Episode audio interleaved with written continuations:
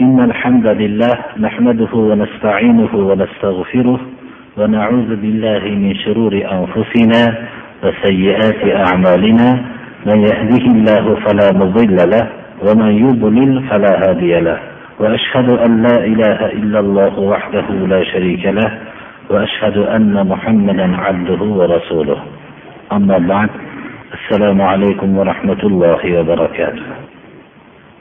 أعوذ بالله من الشيطان الرجيم. إن الله لا يغفر أن يشرك به ويغفر ما دون ذلك لمن يشاء. ومن يشرك بالله فقد ضل ضلالا بعيدا. ولو أشركوا وقال تعالى ولو أشركوا لحبط عنهم ما كانوا يعملون وقال تعالى لئن أشركت ليحبطن عملك alloh subhanahu va taolo mana bu keltirilgan oyatlarda o'ziga sharik qilinishligini kechirmasligini bayon qildi. Demak shirk amali kimdan sodir bo'lsa kim bo'lishligidan qat'iy nazar alloh subhanahu va taolo kechirmaydi. Agarki u kechasi bilan nafl ibodat qilgan bo'lsin kunduzi nafl ro'za tutib o'tgan bo'lsin shirk amali bilan ollohni huzuriga borib qolsa olloh saqlasin uni olloh hech kechirmaydi. Ollohning va'dasi qat'iy. Mana bu oyat shunga dalolat qiladi. Agar kishi tog' tog' gunohlarni qilib borgan bo'lsa shirk keltirmagan holatda borgan bo'lsa umidki olloh kechiradi. Xohlasa azob beradi xohlasa kechiradi. Buni umidi bor. Gunohiga yarasha yo alloh subhanahu va taolo jazosini berib keyin jannatga dohil qiladi. Agar shirk bilan hayotdan o'tmagan bo'lsa. Agar shirk keltirishgan bo'lsa deydi alloh taolo keyingi oyatda ularni qilgan amallari habata bo'ladi. Kalimasidan olingan tuyaning qorni ishib yorilib o'lishligini habito kalimasi bilan arablar bildiradi. Shirk amalini qilib yurgan odam amallari katta bo'lib kun sayin soxta obro' topib borishligining misoli tuyaning qornini ishib yo'g'onlashib borayotganga o'xshaydi. Nodon odam bu tuya nihoyatda bir yetilyapti yo'g'onlashib deb xursand bo'lsa aqlli odam biladiki bu halokatga yaqinlashib boryapti. Oxiri yorilgandan keyin u tamomiy tuyalik sifatini yo'qotadi. Ko'rinishda ham amal katta bo'lib kelayotgan bo'lsa uning misoli bir ishib borayotgan bir tufakka o'xshaydi. Aqlli odam bu bu narsa butunlay tagi bilan yo'q kelayotganini ko'radi habito kalimasi bilan qur'oni karimda bu iste'mol qilinishligi ham bir diqqatga sazovor rasululloh sollallohu alayhi vasallamdek habibul alamin bo'lgan sayyidul anbiyo bo'lgan. Shunday zotga alloh taolo ayamasdan agar shirk amali sizdan sodir bo'lsa amalingiz habata bo'lishligida shak shubha yo'q deyapti alloh taolo. Demak biz shirk shunday katta gunoh ekan qanday qilib biz shirkdan saqlanmoqligimiz kerak? Mana bu shirk qaysi bir amallarga kirib qoladi? Biz mana bu narsani bugungi darsimizda inshaalloh qisqacha o'rganamiz va darsimizni davomini bir yangi mavzu haqida ham bir ochmoqchimiz. Inshaalloh darsni navbatdagisida aytamiz. Shirkni o'zimizdan yo'qotishlik uchta turdagi shirkni yo'qotishlik bilan hosil bo'ladi. Birinchi rab taoloning fe'llarida shirk keltirish. Buni bilmoqligimiz kerak.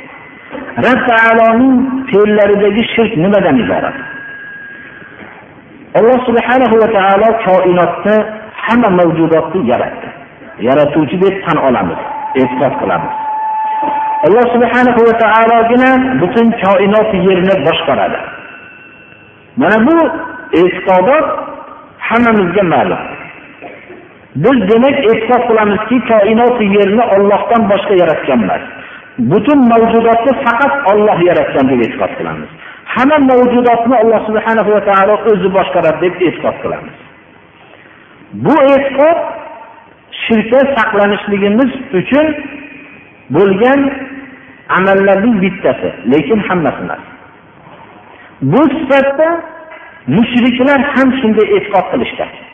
Mushriklar ham koinot yerni kim yaratgan desa olloh deyishgan.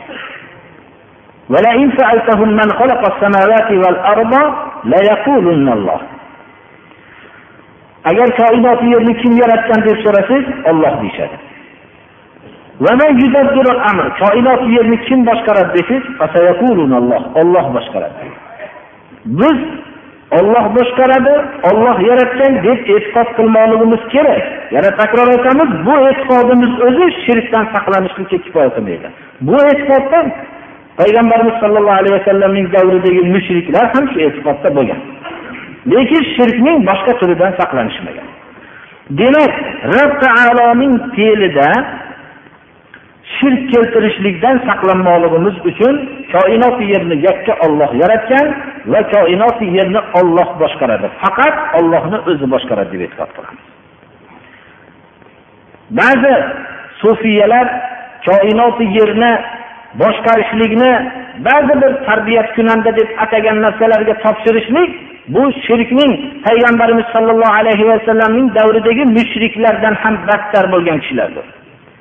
Chunki bir viloyatni bitta tarbiyat kunandaga topshirish yana bir viloyatni bir tarbiyat kunandaga topshirish bu hatto payg'ambarimiz sollallohu alayhi vasallamning davridagi mushriklardan ham past martabadir birodarlar buni bilmoqligimiz kerak rob taoloning fe'llarida shirk keltirishlikdan saqlanmoqligimiz kerak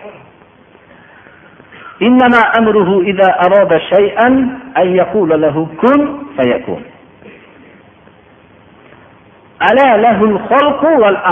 yaratish va boshqarish ollohni o'ziga xos ekanligini ogoh bo'linglarki bilinglar shu narsani. Ikkinchi shirk ibodatda xususan duoda. Mana bu shirkdan saqlanmoqlik kerak. Ya'ni alloh subhanahu va taologa ibodat qilishadi kishilar. Alhamdulillah ibodat qilamiz. Lekin bu ibodatda agar boshqaga ham qo'shib ibodat qilinadigan bo'lsa bu ibodatdagi shirkdir. Mana bu husumat payg'ambarlar bilan qavmlari haqidagi bo'lgan husumat shu masalada bo'lgan.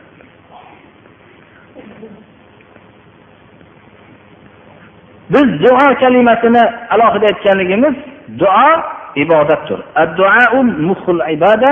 Yoyinki imom termiziy rivoyatlarida duo haqiqiy ibodatdir. Agar duoni ollohga qilsak ibodatni ollohgagina qilgan bo'lamiz. Agar ollohga ham qilib ba'zi vaqtlarda boshqaga ham duo qilib sig'insak bu narsa ibodatdagi shirk bo'ladi. Bu shirk payg'ambarlar ogohlantirgan shirk mana shudir shu bilan inson mushrik bo'ladi agar duoni va nazr ibodat tavakkul ibodat isti'onat yordam so'rash ibodat istig'osa boshiga musibat tushganda faryod chekib yordam so'rash ibodat va biror bir hayvonni so'yib ibodat qilish mana bu narsalarni agar ollohni o'zigagina qilinsa ibodatni ollohni o'ziga qilingan bo'ladi. Boshqa narsaga ham qo'shib masalan har xil joylarga nazr qilsa bu ibodatdagi shirkdir. Ba'zi kishilarga yana darslarimizda takror aytgandek hozir ham takror aytamiz bu siz ollohdan boshqaga duo qilyapsiz desa men ibodat qilayotganim yo'q duo qilyapman deydi. Duo ibodatning ayni o'zidir. Ba'zi kishilarga esa siz bu nazringizni ollohga qilmayapsiz desa men nazr qilyapman ibodat qilayotganim yo'q deydi. Nazr bu ibodatning ma'nosi nima deb savol qilamiz? Savob talab qilinadigan va olloh rozi bo'la olloh rozi bo'ladigan amallar ibodatdir. So'z va amallarni o'z ichiga oladi. Agar biz shu qurbonligimizni ollohga qilsak ibodatni ollohga qilgan bo'lamiz boshqa narsalarga qilsak ibodatni boshqa narsaga qilgan bo'lamiz. Kim ollohdan boshqaga nazar qilsa allohni la'nati olsin dedilar kim ollohdan boshqaga so'ygan bo'lsa ollohni la'nati bo'lsin unga dedilar. Demak bu amallarni biz aytib o'tdik. Ba'zi bir kishilarga biz ollohga ibodat qilayotganimiz yo'q. Bu sig'inayotgan narsalarni o'zimiz bilan ollohni o'rtasida vosita deb bilamiz. Degan so'zni aytishadi mana shu shirkning ayni o'zidir. Qur'oni karimda ular o'zlarining shirklarini toza to'g'ri amal deb bildirishlik uchun biz ollohga bir qisman yaqin qilishlik uchun ibodat qilamiz xolos olloh deb ibodat qilmaymiz deyishadi shuning uchun mushrik bo'lishdi vosita qilishlik ayni shirkdir. Shuni yaxshi bilmoqligimiz kerak. Ibodatdagi shirklardan bittasi hukmni hukmda ollohga boshqalarni sharik qilish. Ya'ni bashar hukmi inson tarafidan bo'lgan hukmni ollohni hukmiga barobar ko'rishlik ayni shirkdir bu. Alloh subhanahu va taolo hukm ollohni o'ziga xosdir. ومن لم يحكم بما أنزل الله فأولئك هم الكافرون فأولئك هم الظالمون فأولئك هم الفاسقون hukm bu qabul qilish ibodatdir hukmga taslim bo'lish ibodatdir va ayni iymondir agar bu hukm ollohni hukmi bo'lsa ibodatni ollohga qilish agar bu hukm insonni hukmi bo'lsa ibodatni insonga qilishlikdir bu shirkdir alloh subhanahu va taolo buni hech qachon kechirmaydi Mana bu narsani bilmoqligimiz kerak. Billah qur'onni hukmi endi hozirgi zamonga to'g'ri kelmay qoldi degan bo'lsa unda iymondan bo'yon qolmaydi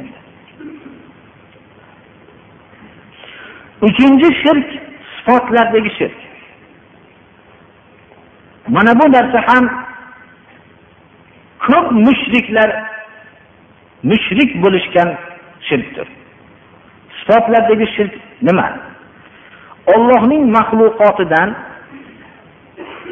ba'zilarini ollohga xos bo'lgan sifatlarning ba'zisi bilan sifatlab qo'yishlikdir. Ya'ni ba'zi sifatlar borki ollohni o'ziga xos.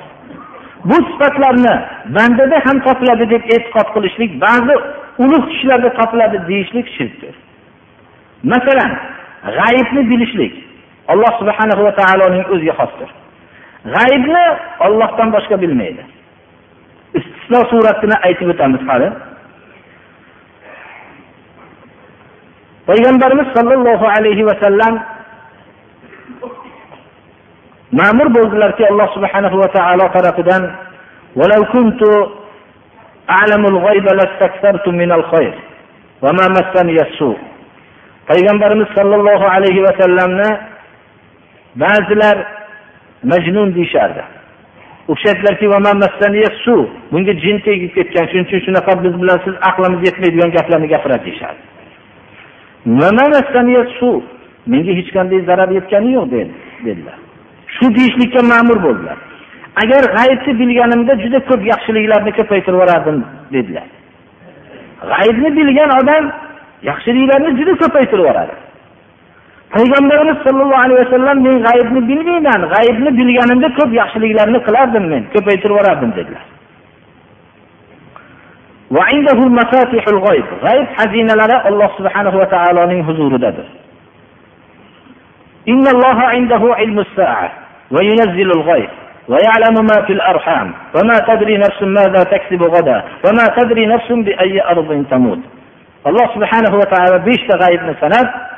qiyomatni bilish yomg'irlarni tushirish va bachadondagi bolalarni bilish. Shunda to'xtalib o'tamiz bachadondagi bolani bilishlik o'g'il qizimi boshqami bu narsa emas. U narsani o'g'il qizlik belgisi bo'lgandan keyin u narsani bilishlik oddiy jihozlar ham bilaveradi birodarlar. Misoli shunga o'xshaydiki devorni orqasida bitta aniq bir odam gapirib turgan bo'lsa uning tovushi erkak yoki ayolligi aniq bilinadi.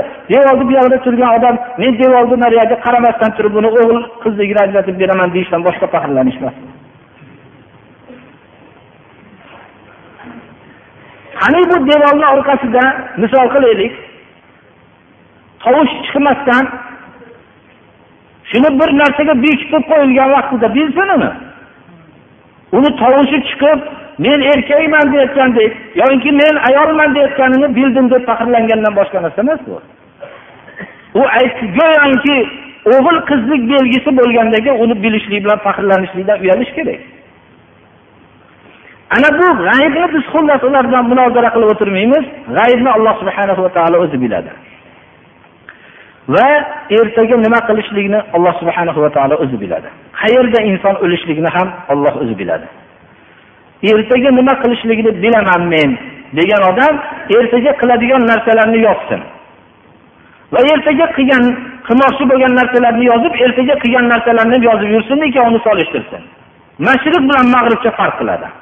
Agarki ertaga qilmoqchi bo'lgan ishlarga harakat qilsa ham shunga o'xshataman dedi. Hayotda mana ko'rib turibmizki ertaga to'y qilaman degan odam ertaga dadasini kuzatyapti. Hayotda ko'rib turibmiz birodarlar. Bunaqa narsalar bu bu birlamchi haqiqat. Ertaga nima qilishligini inson bilolmaydi. Va qayerda o'lishligini inson bilolmaydi. Xullas biz g'aybni bilish sifati alloh subhanahu va taologa xos deymiz. Lekin biz istisno qilgan o'rinda qur'oni karim istisno qilgan o'rinda biz ham istisno qilib aytamizki alimul g'oybi fala yuzhiru ala g'oybihi ahadan illa man irtado min rasul. G'aybni biluvchi alloh subhanahu va taolodir. O'zining g'aybiniga birovni g'aybini birovga ko'rsatmaydi. Magar o'zi ixtiyor qilgan rasulga ko'rsatadi. Rasul alloh subhanahu va taolo tarafidan kitob nozil bo'lgan zot. Mana bu zotga ba'zi bir g'ayblarni bildirishligi mumkin. O'zi ixtiyor qilgan. Rasullarning ichida o'zi ixtiyor qilgan boshqa odam bo'lmaydi faqat rasul bo'lishligi shart. Chunki bayon berdi men rasuling deyiladi. Biror bir kishi payg'ambar bo'lmagan kishini g'aybni olloh bunga bildirgan desa mushrik bo'ladi. G'aybni mabodo olloh bildirsa rasul payg'ambarga ba'zi g'ayblarni bildirishi mumkin. Masalan aytaylik rum bilan fors jang qilgan vaqtda qaysi rumni fors g'alaba qilishligini alloh subhanahu va taolo rasululloh sollallohu alayhi vasallamga bildirdi. Alif lam mim g'ulibatir rumu fi adna al-ardi wa hum min ba'di ghalabihim sayaghlibuna fi bid'i sinin. Rum mag'lub bo'ladi. Yerining bir qismida mag'lub bo'lib bir necha yildan keyin fi sinin forsga g'olib bo'ladi degan oyat nozil bo'ldi. Hamma mushriklar mana endi muhammad endi yolg'onchi bo'ladi dedi. Chunki fors hukmdorligini hech kim yeng bo'ladi degan o'ylamasdi. Fors eng dunyodagi zo'r hukmdorlik ikkita hukmdorlikni bittasi edi. Nihoyat darajada quvvatli edi. Buni yengib bo'lishligini hech kim aql olmasdi xuddi shu yo'qolib ketishligini hech kim aql olmagandek ana shunda shu oyat nozil bo'lganda rasululloh sollallohu alayhi vasallam xabar berdilarki rum avvalda mag'lub bo'ladi forsga va keyin bir necha yildan keyin g'olib bo'ladi. Deb uch bilan o'nni o'rtasidagi adadni aytiladi. Bir bilan o'nni o'rtasidagi. Shunda hamma abu bakr roziyallohu anhuga endi mana birodaring endi yolg'onchi bo'ladi deyishdi. Deganda nima uchun? degan shunday xabarda aytishganda halab mushriklarning kattasi bu kishiga aytdilarki hatto garov o'ynadilar. Aytdilarki albatta bu ollohni xabari bu sodiq dedilar. Ya'ni qur'oni karimda nozil bo'ldi. Rasululloh sollallohu alayhi vasallam xabar berdilar. Haqiqatda ham to'rt yildan keyin deb garov o'ynaganlarda payg'ambarimiz sollallohu alayhi vasallamdan rivoyat borki ikki yil bidoidan murod dedilar. Bir necha degani bir bilan o'n o'rtasidagi raqamni aytamiz. Ikki yil ekanligini payg'ambarimiz sollallohu alayhi vasallamdan eshitdilarda to'rt yilni ikki yilga deb ular to'rt yilga bo'lsa ham rozi bo'lgandi. Ikki yilda rum g'olib bo'ldi. Avval mag'lub bo'lgandan keyin. Qur'oni karim xabar bergandaqa bo'ldi mana bunday xabarlarni alloh subhana va taolo o'zining rasuliga xohlagan rasuliga shunday xabarlarni bildiradi. Demak muvahhid shirkdan saqlangan odam mana bu uchta shirkdan saqlangan kishidir. Agar shu uchta shirkdan saqlangan bo'lsa biz bu odamni shirkdan katta shirkdan saqlandi deymiz. Shu bilan biz shirk kichkina shirkni ham qisman eslatib o'tmoqlimiz o'tishimiz kerak. Kichkina shirk va uning turlari. Kichkina shirklar borki bu katta shirkka olib borib qo'yishlik mumkin. Agarki ibodat martabasi yetmasa ham. Buni kichkina shirk amallarni qilgan odam islom safidan chiqib ketmaydi. Lekin gunoh kabiralarni qilgan bo'ladi. Rasululloh sollallohu alayhi vasallam ogohlantirgan shirk ham kichkina shirk edi. Ashoblar katta shirkdan salomat qolishgan edilar tavhid aqidasining tarbiyasi bilan. Kichkina shirklarning bittasi riyo. Riyokorlik va o'zining qilayotgan ishini ham ovozasini boshqalar eshitsin qilayotgan amalini boshqalar ko'rsin degan. Masalan namoz o'qiydi bir kishi. Ro'za tutadi. Lekin shu namozini odamlar maqtashlik uchun chiroyli qiladi ro'zani ham odamlar maqtashlik uchun chiroyli tutib yo nafl bo'lsa ko'rsatishlikka harakat qiladi فمن كان يرجو لقاء ربه فليعمل عملا صالحا ولا يشرك بعبادة ربه أحدا kim robbiga ro'baro bo'lishlikni xohlasa yaxshi solih amalni qilsin va robbiga ibodat qilishlikda hech bir kishini sharik qilmasin ya'ni birovni hisobga olmasin Rasululloh sollallohu alayhi vasallam ogohlantirgan va eng tashvish qilgan shirk ham shudir birodarlar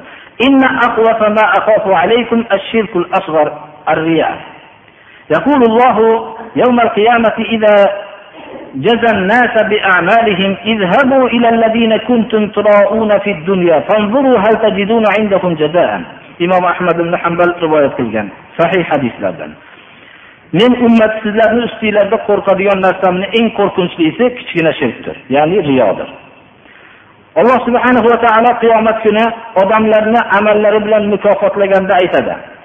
Riyokor kishilarga boringlar dunyoda kimga riyo qilib maqtasin degan odamlaringlarni oldiga boringlar. Kimga riyo qilgan bo'lsanglar kimga ko'rsatmoqchi bo'lsanglar kimni eshitsin demoqchi bo'lsanglar shularni oldiga boringlar.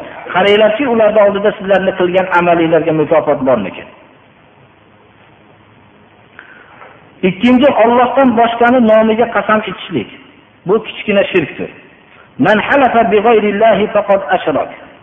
Imom ahmad ibn hambal rivoyat qilganlar. Kim ollohdan boshqani nomiga qasam ichsa bu mushrik bo'ladi dedilar ya'ni kichkina shirk qilgan bo'ladi. Ollohni nomiga ollohni nomidan boshqaga qasam ichish ya'ni ollohni nomidan boshqaga qasam ichishlik kichkina shirkdan katta shirkka aylanishligi ham mumkin. Agar e'tiqod qilsaki ollohni nomidan boshqaga qasam ichgan edi. Shu boshqa nomni ollohdan boshqani zarar yetkazishlikka qodir va foydalar yetkazishlikka qodir bo'lganligi uchun men qasam ichyapman desa katta shirk bo'ladi. Shirkul xafi birovga bilinmaydigan shirk. Maxfiy shirklar. Abdulloh ibn abbos buni maxfiy shirkni mashaallohu va shita olloh xohlasa va siz xohlasangiz bo'ladi degan so'zni aytgan ekanlar olloh bo'lmaganda falonchi bo'lmaganda manaqa bo'lardi desa shirk bu maxfiy shirk bu.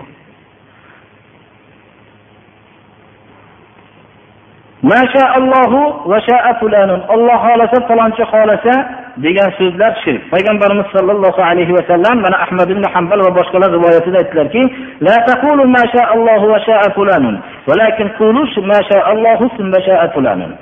olloh xohlasa va falonchi xohlasa demanglar. Mabodo shunaqa so'zni aytmoqchi bo'lsanglar olloh xohlasa keyin siz xohlasangiz yo falonchi xohlasa desa mumkin ekan. Olloh xohlasa va u xohlasa yo falon siz xohlasangiz desa shirk bo'ladi bu. Ya'ni vov bilan sunnani farqini bildirilyapti. Mana bu narsa kichkina shirklardir birodarlar. Alloh subhanahu va taolodan panoh istaylikki shirklardan saqlanishlik bu eng katta ibodat. Amalning hayotdagi ma'mur bo'lgan amallarimizning eng kattasi tavhid ahlidan bo'lishlik va shirkdan saqlanishlikdir buyurilgan narsaning eng kattasi tavhid va qaytarilgan narsaning eng kattasi shirkdir birodarlar mana bu narsa esimizdan chiqmasligi kerak. Darsimizni mavzusiga bir narsa qo'shmoqchimanki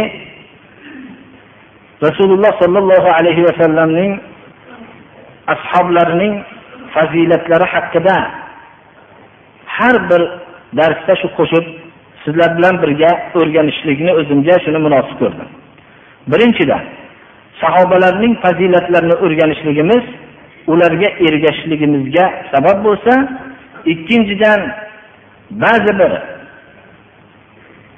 islomdan begona bo'lgan islomni davo qilgan bir firqalar borki u sahobalarning so'kishlik bilan ham tortinmaydi. Abu bakr roziyallohu anhu xususan umar ibn hattobni so'kishlikdan tortinmaydigan islomdan begona bo'lgan firqalar bor. Shuning uchun ham bu narsani hozir o'rganishligimiz hammamizga bir zaruriydir. Rasululloh sollallohu alayhi vasallam ashoblari haqida nima deganlar? Sahih rivoyatlar asosida shu darsni inshaalloh bugun boshlaymiz. rivoyatlar ba'zilariga to'xtalib o'tamiz vaqtni yutishligimiz uchun oxirgi roviyni zikr qilib aytamiz عن عبد الله بن مغفل المزني قال قال رسول الله صلى الله عليه وسلم الله الله في أصحابي لا تتخذوهم غرضا بعدي فمن أحبهم فبحبي أحبهم ومن أبغضهم فببغضي أبغضهم ومن آذاهم فقد آذاني ومن آذاني فقد آذى الله عز وجل ومن آذى الله يوشك أن يأخذه Allohdan qo'rqinglar, Allohdan qo'rqinglar ashoblarim haqida. Meni ashoblarimni dedilar Rasululloh sollallohu alayhi vasallam nishona qilib olmanglar. Ya'ni u tarafga qarab so'zinglarni otadigan nishona qilmanglar. Kim meni ashoblarimni yaxshi ko'rsa, men uni yaxshi ko'rganligim sababli ashoblarimni yaxshi ko'ribdi. Ya'ni ashoblarimni yaxshi ko'rganlik sifati men uni yaxshi ko'rganligimga dalolat qiladi degan ekanlar Kim ashoblarimni yomon ko'rsa, men uni yomon ko'rganligimga dalolat qiladi. Kim ashoblarga ozor bersa, menga ozor beribdi. Kim menga ozor bersa, Alloh azza va jallaga ozor beribdi. Allohga ozor bergan odamni Alloh jazolashligi yaqindir. Rasululloh sollallohu alayhi vasallamdan ashob ikromlar haqida juda ko'p shunday rivoyat qilingan hadislar bor. Abu Said radhiyallohu anhu dan rivoyat qilinadiki Rasululloh sollallohu alayhi vasallam aytdilarki: "La tasubbu ashabi" فوالذي نفسي بيده لو أن أحدكم أنفق مثل أحد ذهبا ما أدرك مد أحدهم ولا نصيفه ashoblarimni so'kmanglar ruhim qo'lida bo'lgan zotga qasam ichib aytamanki agar sizlarning bittalaringlar uhud tog'icha tilloni infoq qilib ehson qilsa ularning ashoblarim sarf qilgan bir mud ya'ni bir mud deb yo yarim mud miqdoridagi bo'lgan ya'ni ikki kilo yoyinki bir kilo miqdordagi sarf qilgancha barobar bo'lolmaydi dedi uhud tog'icha oltinni sarf qilgan bo'lsa ba'zilar buni bug'doy deyishadilar. Ikki kilo bug'doy yoinki bir kilo bug'doyni sarf qilguncha savobni ololmaydi dedilar. Ashobi ikromlar nima uchun? Ular muhtoj bo'lib turib sarf qilishgan edilar hatto ularning sarflarini ba'zisiga to'xtalib o'tsak rasululloh sollallohu alayhi vasallamning oldilariga mehmon keldi. Shu kim meni mehmonimni mehmon qiladi dedilar. Kim olib ketadi dedilar. Oldilarida hech narsa topolmadilar. Shunda bir kishi men dedilar. Lekin uylarda bir narsa borligidan yo'qmi o'ylanib qoldilarda olib ketdilar. Olib borib uyga kirdilarda oilalaridan so'radilarki oilalari hijobdan ilgari edi. Ularni uxlatadigan narsa bor dedilar. Ya'ni ham oz shu uxlab qolishligiga sabab bo'ladigan narsani tayyorlab turibman bolalardiki u ham. Bo'lmasam dedilar shu ovqatingni olib kelasanda shu e, mehmon rasululloh sollallohu alayhi vasallamni oldlarida hech narsa yo'qligi uchun mehmonlarni men olib boraman deb olib keldim. Shu chiroqni ovqat bo'lgan olib kelingan vaqtda o'chirib qo'yasan dedilar. Uni zo'rlab biz olayotgan bo'lib o'zgartirib yuboramiz ozligidan dedilar.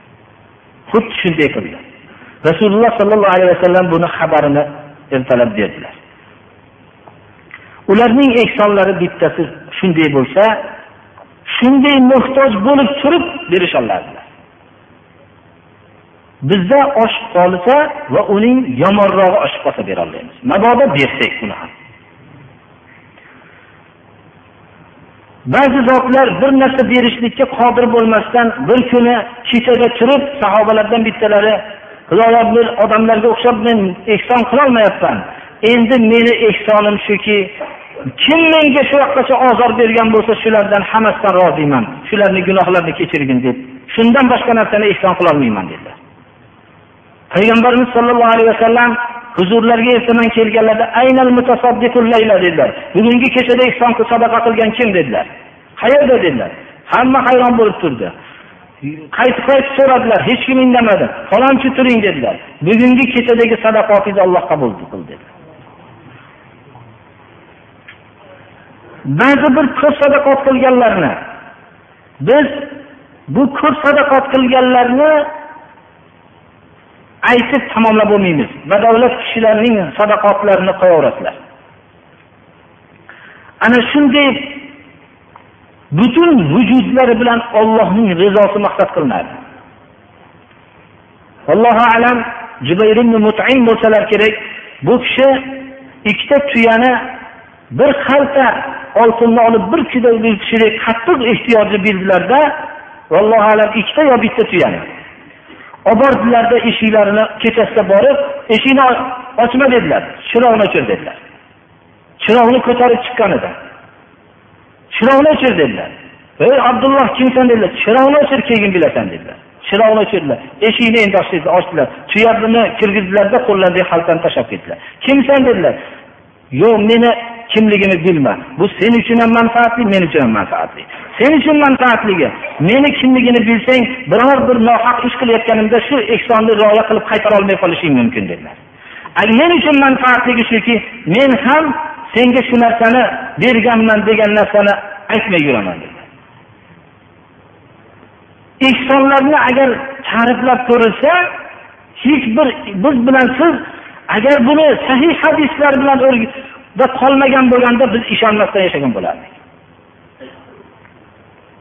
Rasululloh sollallohu alayhi vasallamning ashoblaridan bittalari baliq yegilari keldi uzoq vaqt taomsiz qolganlardan. Shu kasallikdan o'zlari tuzalganlarida baliq yegilari kelib baliq pishiringlar dedilar. Baliqni topib pishirib olib kelishganda shuni yemoqchi bo'lib turganlarida bir hadis muborak eslariga keldilarda qaysi bir kishi mo'min kishi bir narsani qattiq ishtaho qilib turib shuni birodariga bersa do'zax o'ti harom bo'ladi degan hadisni eslariga keldilarda shu hadisga hayotimda amal qilishlik menga muvaffaq bo'lmagan ekan. Hozir juda ham ishtaho qildim shu narsani. Shu narsani endi bir kishiga beray falonchi muhtoj shunga olib chiqinglar dedilar. U kishiga olib chiqildi. U kishi ham aytdilarki mendan ko'ra falonchi muhtoj edilar. Shu xonadonlardan yettinchi xonadonga kelganda bu kishi anchadan beri notob edi. Bu baloni bu yerdan chiqib ketganligini bilmasdan mana shu kishi muhtoj edi deb qaytib kirdi birodarlar bu narsalar ana bunday infoqning bir mudda bir hovuchi birodarlar bir biz sarf qilayotgan bir tog'dan afzalligini agar u vaqtdagi infoqlarni o'rgansak haqiqatda biz bunga ishona olamiz. Shuning uchun ashobi ikromlarni so'kishlikka til bormasligi kerak birodarlar.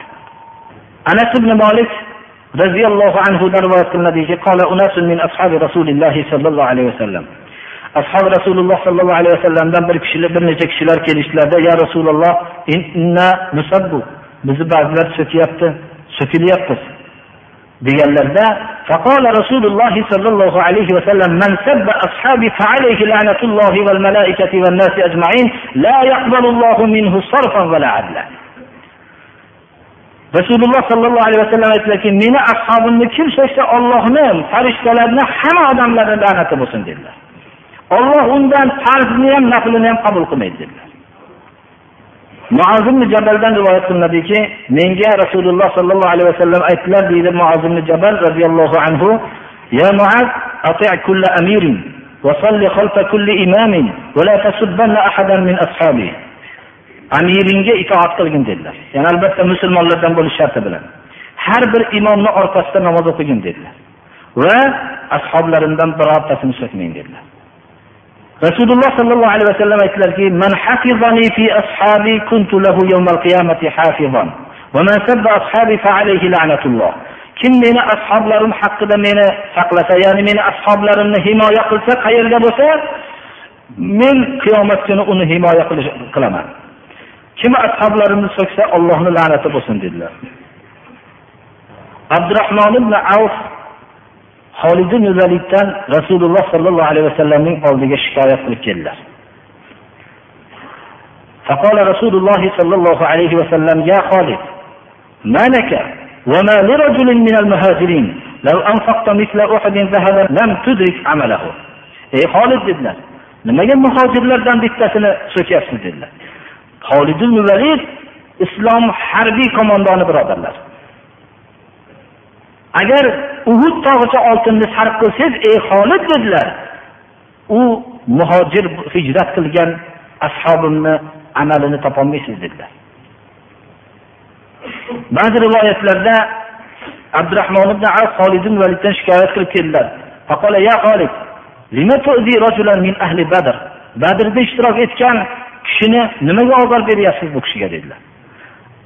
Agar shu uhud tog'icha oltinni sarf qilsangiz uning amaliniga barobar amal qilolmaysiz dedilar فقال يا رسول الله يقعون في فأرد عليهم meni ham so'kishayotgandi men ham ularga javob qaytardim xolos dedilar shunda rasululloh sollallohu alayhi vasallam aytgan ekanlarki la tu'zu xolidan فإنه سيف من سيوف الله صبه الله على الكفار xolidni so'kmanglar dedilar bu ollohning qilichlaridan qilichdir dedilar xolid ollohni qilichi dedilar uni alloh taolo kofirlarga sug'urib qo'ygan bu qilichni dedilar ba'zi rivoyatlarda abdulloh ibn umardan eshitdim deydilar nusayr ibn zaluf degan zot tobiinlardan bu kishi سمعت ابن عمر يقول لا تسب أصحاب محمد صلى الله عليه وسلم فلا مقام أحدهم ساعة خير من عمل أحدكم عمره muhammad alayhissalomning ashoblarini so'kmanglar ularning hayotda bir soat yashaganlari sizlar umringlar bo'yicha qilgan amalinglardan yaxshiroqdir dedilar rasululloh sollallohu alayhi vasallam aytdilarki mana مثل أصحابي في الناس كمثل كمثل الملح في الطعام ashoblarimning odamlar ichida turishini misoli xuddi taomdagi tuzga o'xshaydi dedilar hasan imom hasan aytar ekanlarki shu so'zdan keyin hayhat odamlarni tuzi ketdi dedilar. Betuz bo'lib qoldi degan ekanlar. Rasululloh sollallohu alayhi vasallamdan bu hadis mana rivoyat qilinganda ba'zida imom hasan aytar ekanlarki ovqat tuz bilan shirin bo'ladida keyin aytar ekanlarki tuzi ketib qolgan betuz bo'lib qolgan odamlar qanday yashayapti mana? Dedi ekanlar rasululloh sollallohu alayhi vasallam minbarda turganlarida inna rijli ala tir'atin min tira'il janna aw tira'il hawd وأن عبدا خيره الله أن يعيش في الدنيا ما أحب يأكل منها ما أحب وبين لقاء الله عز وجل وأن العبد اختار لقاء الله. قال فبكى أبو بكر وهو قريب من المنبر حتى قال شيخ من الأنصار ما يبكي هذا؟ إن كان رسول الله ذكر رجلا من بني إسرائيل أو رجلا من الناس قال وعرف أبو بكر أن رسول الله صلى الله عليه وسلم إنما عنا نفسه فلما ذهبت عبرته فقال بأبي أنت وأمي بل نفديك بآبائنا وأنفسنا. فقال عند ذلك ما أحد من الناس أعظم علينا حقا في صحبته وماله من ابن أبي قحافة. ولو كنت متخذا خليلا لاتخذته خليلا ولكن ود وإخاء إيمان. payg'ambarimiz sollallohu alayhi vasallam minbarda turib aytdilarki meni oyog'im jannat bir suv fir'on deb suv otilib chiqib turgan joyda aytadi. Jannat buloqlari chiqib turgan joydan bir buloqqa oyog'im tegib turibdi. Yo hovuzni boshlang'ich qismiga oyog'im tegib turgan tegib turibdi. Bir bandani alloh taolo dunyoda yaxshi ko'rgandaqa qilib yashashligi bilan xohlagan yaxshi ko'rgan narsasini yeb xohlagandaqa yaxshi yashashligi bilan Allohga huzuriga borishlik o'rtasini ixtiyorlik qildi. Xohling dunyoda xohlagandaqa yashaysanmi yoinki ollohni huzuriga borasanmi degan ixtiyor qilganda banda Allohga ro'baro bo'lishlikni ixtiyor qildi.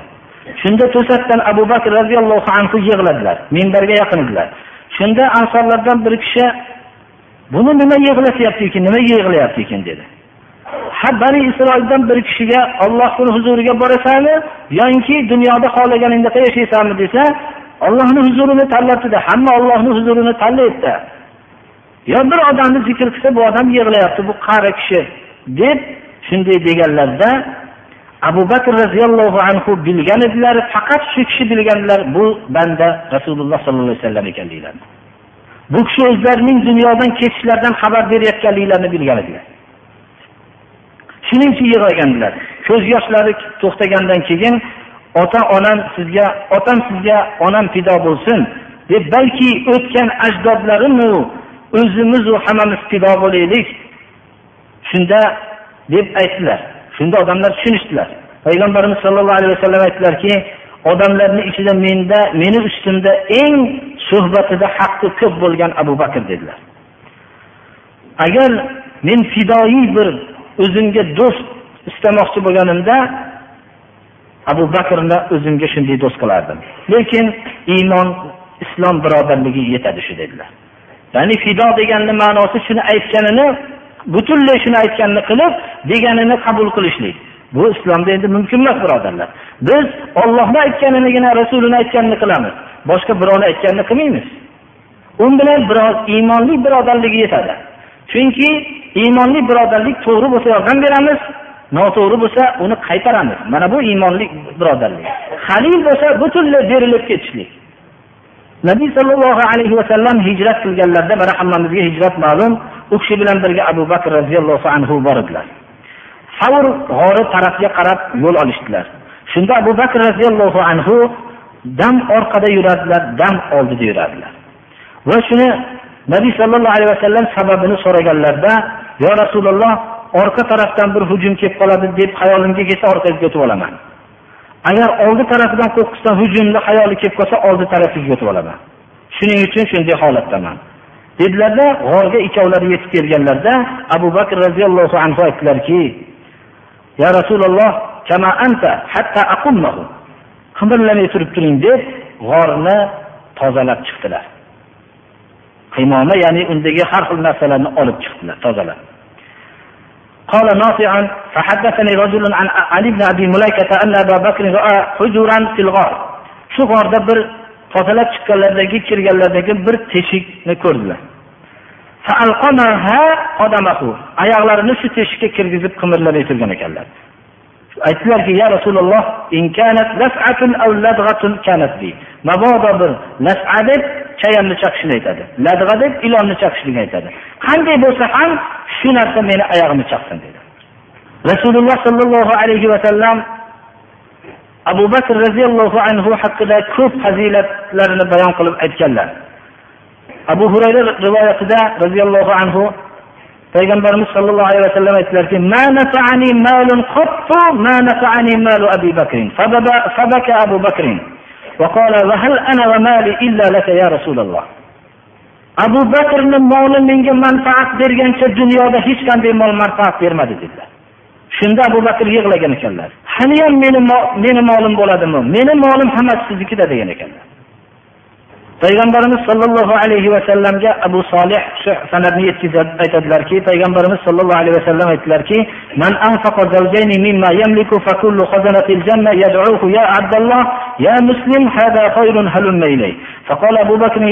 الله هذا رجل لا تلا عليه إن ترك بابا دخل من الآخر فحطى النبي صلى الله عليه وسلم كتفه بيده ثم قال والله إني لأطمع أن تكون منهم والله ما نفعني مال ما نفعني مال أبي بكر قال فبكى أبو بكر ثم قال وهل هداني الله ورفعني إلا بك kim bir juft narsani ya'ni har bir narsadan juft juft narsalarni Allohning yo'lida sarf qilsa o'zini moli mulkidan bo'lib jannat posbonlari hammasi ey abdulloh ey muslim yoqqa keling mo darvozadan keling deb chaqirib turadi abu bakr roziyallohu anhu aytdilarki yo rasululloh bir odam mabodo bir darvozaga qaramasdan boshqasiga ketsa uni ham qaramasdan boshqasiga ketsa bir qaysindan kirsamikin deb xohlagandan kirsa unga hech zarar yo'qmi? Deganlarda payg'ambarimiz sollallohu alayhi vasallam qo'llarini abu bakr roziyallohu anhu yelkalariga qo'yib men mana shunday xohlagandan kiradigan hamma chaqiradigan siz deb gumon qilaman dedilar. Siz bo'lsangiz kerak dedilar. Aytdilarki abu bakrni moli menga manfaat bergancha hech kimni moli menga manfaat bergani yo'q. Shunda abu bakr yig'lagan ekanlar roziyallohu anhu olloh meni hidoyat qildi va meni shu martabaga siz sababli olloh meni ko'tardi degan ekanlar abu bakr roziyallohu anhuda moli bilan rasululloh sollallohu alayhi vasallam mana bilol habashiyni ozod qilganlar yoki abu bakr roziyallohu anhu o'zlari ozod qilganlar. وكان يقضي في مال أبي بكر كما يقضي الرجل في مال نفسه o'zini molini qanaqa qilib sarf qilsa abu bakr roziyallohu anhuni molini payg'ambarimiz sollallohu alayhi vasallam shunday sarf qilar ekanlar hech bu haqda bir o'ylamas ekanlar inshaalloh butun sahobalarni hammalarini fazilatlari haqida har bir darsimizda qo'shib boramizki yana takror aytamizki sahobalar haqidagi bo'lgan bizni fazilatlari haqida bo'lgan xabarlar bizlarni tarbiyalanishligimizga ko'p sabab bo'ladi. Bo'lib ham bu imom ahmad ibn hambalni faboil sahaba degan kitobidan san'atlari sahih bo'lgan rivoyatlar bilan keltirilgan. Alloh subhanahu va taolo hammamizga ham shu darslarni bilishlikni alloh taolo nasib qilib amal qilishlikni nasib qilsin. Alloh subhanahu va taolo shu darsni davom ettirishlikni alloh o'zi madad bersin. Va bizlarni ham shu sahobalarga ergashishlikka bir hayotimizda qanday bu qo'limizdan kelgancha ergashishlikni alloh taolo hammamizga nasib qilsin. Uch kun da'vatga otasining roziligi chiqsa bo'ladimi? Otasini rozi qilsin. Shu bo'lgan savoli shu bo'lishligi mumkinki masalan narsalar bor. U narsalarni zakotga yetadigan nisobi boru shu ro'moli nisobga yetadi deylik. Shundan ro'moldan ajratsa qo'y bo'lsa qo'ydan ajratadi. Har pul bo'lsa puldan ajratadi. Har bir narsani o'zidan nisobga ajratadi endi ajratganingizdan keyin u sizni molingiz emas endi uni o'rniga tag'yir bermasdan o'zgartirmasdan bergan yaxshi bo'ladi. Namozga o'tsa bo'laveradi. Ya'ni namozga o'tishlik uchun ayoli bo'lish bo'lmasligi shart emas ya'ni shundan bildiki ayoli bo'lmagan odam bir o'tishlik o'tmaslik haqidagi ba'zi rioyalar bor. Masalan aytaylik ba'zi kishilar hayoli parishon bo'lib turgan odamlardan ko'ra boshqani namozga o'tganligi afzallik tomonida bo'ladi xolos. Asli durustligida kamolat yoshiga yetgan odam qiroati durust bo'lsa namozga o'tsa bo'laveradi. Nos nasha va tamaki chekkan odam bu ham o'tsa bo'ladimi debdi. Bu ya'ni bu narsalar bu birodarlar bu nasha shariatda harom narsa bu endi. Bu narsalarda bu bu katofatlarni chekkandan keyin bu torati bormi yo'qmi bilmaydigan holatda bo'lib qoladigan bo'lsa bu biz endi undan chetlanishimiz kerak. O'sammi degan savol bor. Qosirni namozga o'tkazgandan ko'ra bir lekin mabodo iqtido qilib qolingan bo'lsa namoz namoz bo'laveradi. Lekin bunday har xil odamlarni namozga o'tkazmaslik kerak. Alloh subhanahu va taoloni bu ibodati bunga bir qo'ldan kelgancha o'zi hamma tomondan bir amal qilib qo'ldan kelayotgan odamni namozga o'tkazgan yaxshi bo'ladi. O'sha duolar ekan shu bir ikkitalari volidamizni duo qiling kasal deydilar bir ikkitalari ilm o'qishayotgan ekanlar alloh subhanahu va taolo ilmlariga rivoj bersin volidalariga alloh taolo shifo bersin. Alloh subhanahu va taolo duo qiling debdilar. Alloh subhanahu va taolo hammalariga ham shu kasallarga shifo. Alloh subhanahu va taoloni yo'lida ilm o'qiyotganlarga ilm bersin va amal qilishlikka alloh